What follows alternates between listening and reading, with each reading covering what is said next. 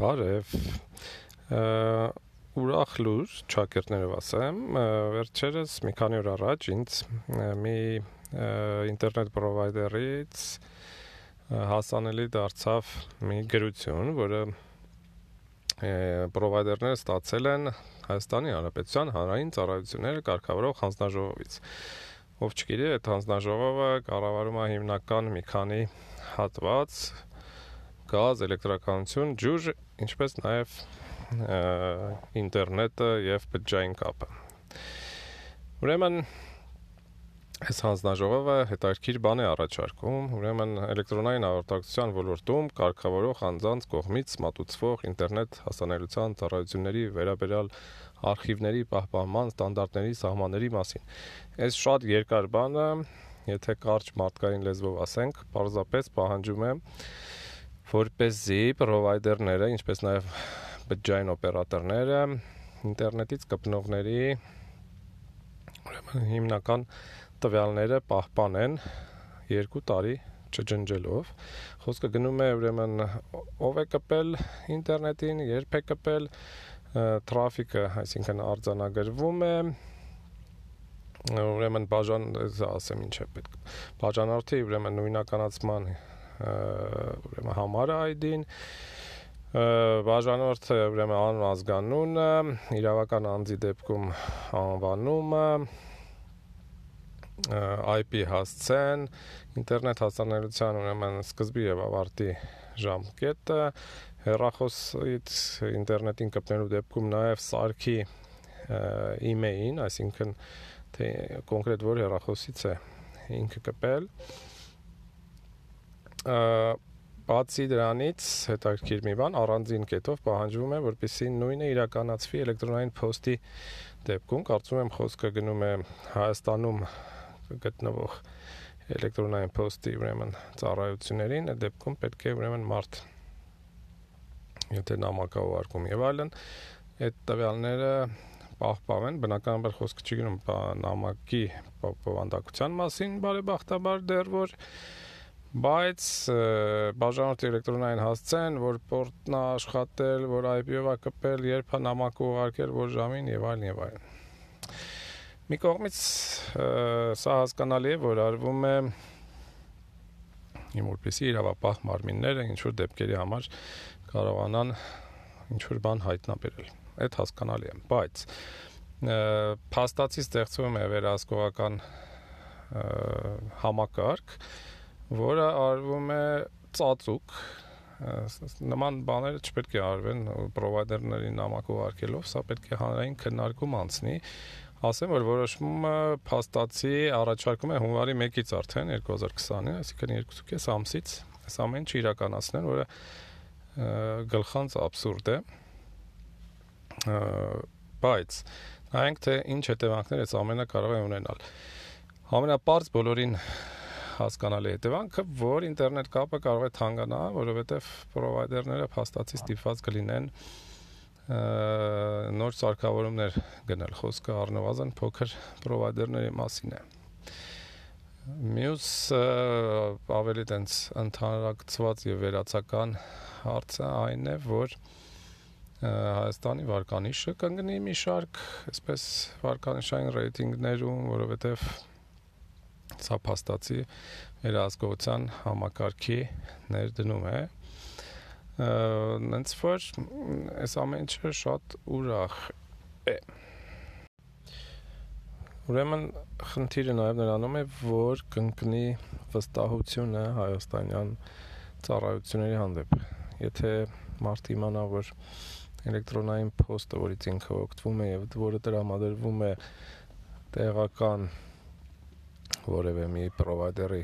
կողմից վերահսկվում է, հասկանալի է, որ մարդ մեծ հավանականությամբ կդիմի այլ ծառայություններին, որոնք չեն գտնվում Հայաստանի տարածքում ու բնականաբար դրանց տվյալները հասանելի չեն լինի մեր ուժային կառույցներին։ Առավել եւս, եթե հաշվի առնենք այն, որ փաստացի մեզ մոտ հետախուզական աշխատանքները իրականացվում են օրենսդրությամբ, որը չի նկարագրում ներկա իրականությունը, այսինքն եթե խոսում ենք նրա մասին, որ գախնալսումները օրենքով կարգավորվող են, այսինքն պետք է դատարանի որոշում այդ ամեն ինչի համար, ապա երբ անդրադառնում ենք նման տվյալների, տրաֆիկին կամ մետատվյալներին, email-ի IP port եւ այլն եւ այլն, այս ամեն ինչը փաստացի օրենսդրական կարգավորում չունի, դա նշանակում է, որ առանց որևէ դատական որոշման բուժային կառույցները կարող են անընդհատ ռեժիմով ստանալ այդ տվյալները ու փաստացի վերահսկեն մարդու, որը օրինակ հետաքննության հետ կապված ոչ մի խնդիր չունի, որը ոչ մի օրենք չի խախտել, ուղղակի հետաքրքրում է ուժային կառույցներին։ Այնպես որ սենց հապճեպ որոշումներ կայացնել ինչ որ մի հարցի շուրջ, որը մի կողմից համ տնտեսական հարված է լինելու, համ ընդհանուր վստահության խնդիր է ստեղծելու Հայաստանի վարկանիշն է գցելու ու դեմը բարձ չի թե ինչ ենք ստանալու, որովհետև սրա հետևանքներից մեկը կարող է լինի, որ պարզապես ժողովուրդը նստելու է VPN-ների վրա եւ ընդհանրապես այս հարցը փակվելու է, որովհետեւ այդ տվյալները հասանելի չեն լինի արդեն ոչ մեկին։ Սենց մնացեք մեզ հետ։ Հա, իմիջայլոց այս փաստաթղթերը կկցեմ հղման մեջ կդնեմ, որպեսզի ցանկացողները կարողանան ինքները համ, համոզվեն ինչ է այնտեղ եւ ոնց։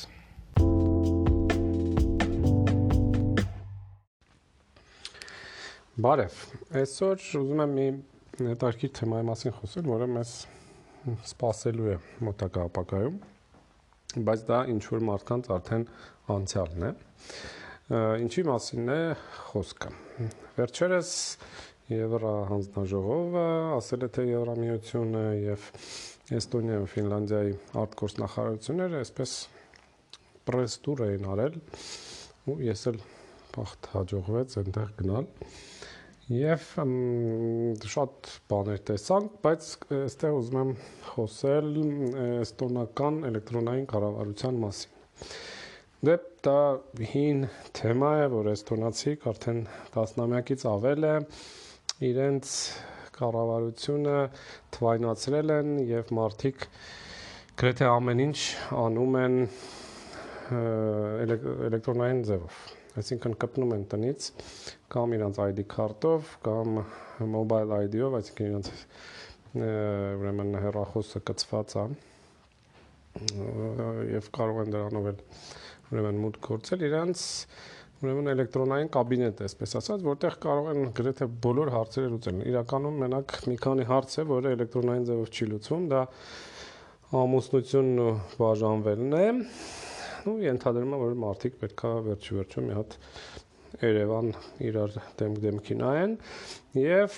անշարժ գույքի վաճառքը, որովհետեւ կարողա գլխիդ ատրճանակա դրված եւ դու տունդ այդ պահին վաճառում ես ինչ որ մեկին on-line ձևով։ Մնացած ամեն ինչ հնարավոր է անել on-line մնացած բոլոր իմ տվյալները ես կարող եմ արագ փոխանցել ստեղից այնտեղ պետք չէ ամեն անգամ գնալ ժեկից ինչ որ մի թուղթ վերցնեմ, գնալ քսերոքս անել, հետո ազնագրի պատճենը միշտ ասեն տափոնով մանգալ ամենտեղ բոլորին բաժանել աչուձախ, որովհետև այդ ամեն ինչը միանգամից փոխանցվում է, ավելին ինչ որ մի շտեմարան կա եւ ամեն մի պետական հաստատություն պարզապես մտնում վերցնում այդ տվյալները առանց քեզ նեղություն տալու։ Նույնը կա նաև այնտեղ գծված է քո առողջապահական քարտ, այսինքն անկետա կոչեցալ է, որ պոլիկլինիկաներում այդ մոտ այսպես հին մագաղատների պես շարված են։ Ինչը շատ թույն է, բայց ասեմ որ մեզ մոտ էլ է էլեկտրոնային առողջապահությունը ուժի մեջ մտնելու շուտով համակարգ ինչ որ չափով կա եւ այլն եւ այլն եւ այստեղ առաջանում է մի հատ շատ հետաքրիր խնդիր որը շատ վերացական չի, այլ ռեալ է։ Հայաստանում գիտեք որ հարց են տուն տանում, այդ արտահայտությունն էլ արդեն մեջ են հենց լիքը բանապարանակում շատ դեպքերում ինչ որ հարց ու փորձ են անում բժիշկներին թե ինչ աղջիկ են դանում տուն։ Հիմա եթե նու նույնն էլ երևի PSK-ի հետ ալնում ենթադրում եմ։ Հիմա պատկերացրեք, որ էլեկտրոնային էս ամեն ինչը լինի եւ բժիշկները մուտք ունեն այդ համակարգ։ Պատկերացնում եք ինչ հիանալի հնարավորություն ունենալու սա իրար հետևեն։ Ու չեմ կասկածում, որ այդպես էլ լինելու է։ Իհարկե բժշկական գաղտնիք կա, Հայաստանում օրենքով պաշտպանվում բայց այս ամեն ինչը անհասկանալի է, թե ոնց է պահպանվելու, եթե արտահոսք չեղավ, չես էլ իմանա ինչ տվյալ են քեզանից իմացել, ունեցել եւ այլն։ Այ Էստոնիայում այդ հարցը շատ հետաքրքիր ձևով ալուծված։ Երբ որ դու մտնում ես քո կաբինետ էլեկտրոնային, այնտեղ կա մի բաժին, որտեղ ամեն անգամ երբ որ ինչ որ մի հաստատություն դիմում է քեզ, ավելի ճիշտ քեզ չի դիմում, քո տվյալների մասին է դիմում, ինչ ասեմ, զին կոմիսարիատը հետաքրքրում է թե ինչ դիպլոմ դու ունես։ Ինքը քեզ չի ասում, ինքը միանգամից տվյալը վերցնում է համալսարանից կամ ինչ որ ապայի հետ կապված, ես ինչ որ մեքենայի տվյալները եւ հասցետ վերցնում է ուրեմն տվյալ կազմակերպությունը, որը ապահովագրություն անում է։ Նույնը բժիշկը կարող է քո բուժող բժիշկը մտնի քո անկետան եւ ստուգի թե նախորդ բժիշկը ինչ է գրել եւ այլն ամեն նման դիմում երևում է իմ մոտ այսինքն երբ որ ես մտնում եմ իմ կաբինետ ես տեսնում եմ որ հաստատությունը եւ ինչ տվյալ է իմ մասին հարցրել եւ երբ դա դրա բացառություն ազգային անվտանգությունն է ազգանալի պատճառներով եւ ոստիկանությունը եթե քրեական գործ կա քո հետ կապված ինչեվ ուրեմն բացահայտումը դատարան մտնելը որպեսի դու չիմանաս, որ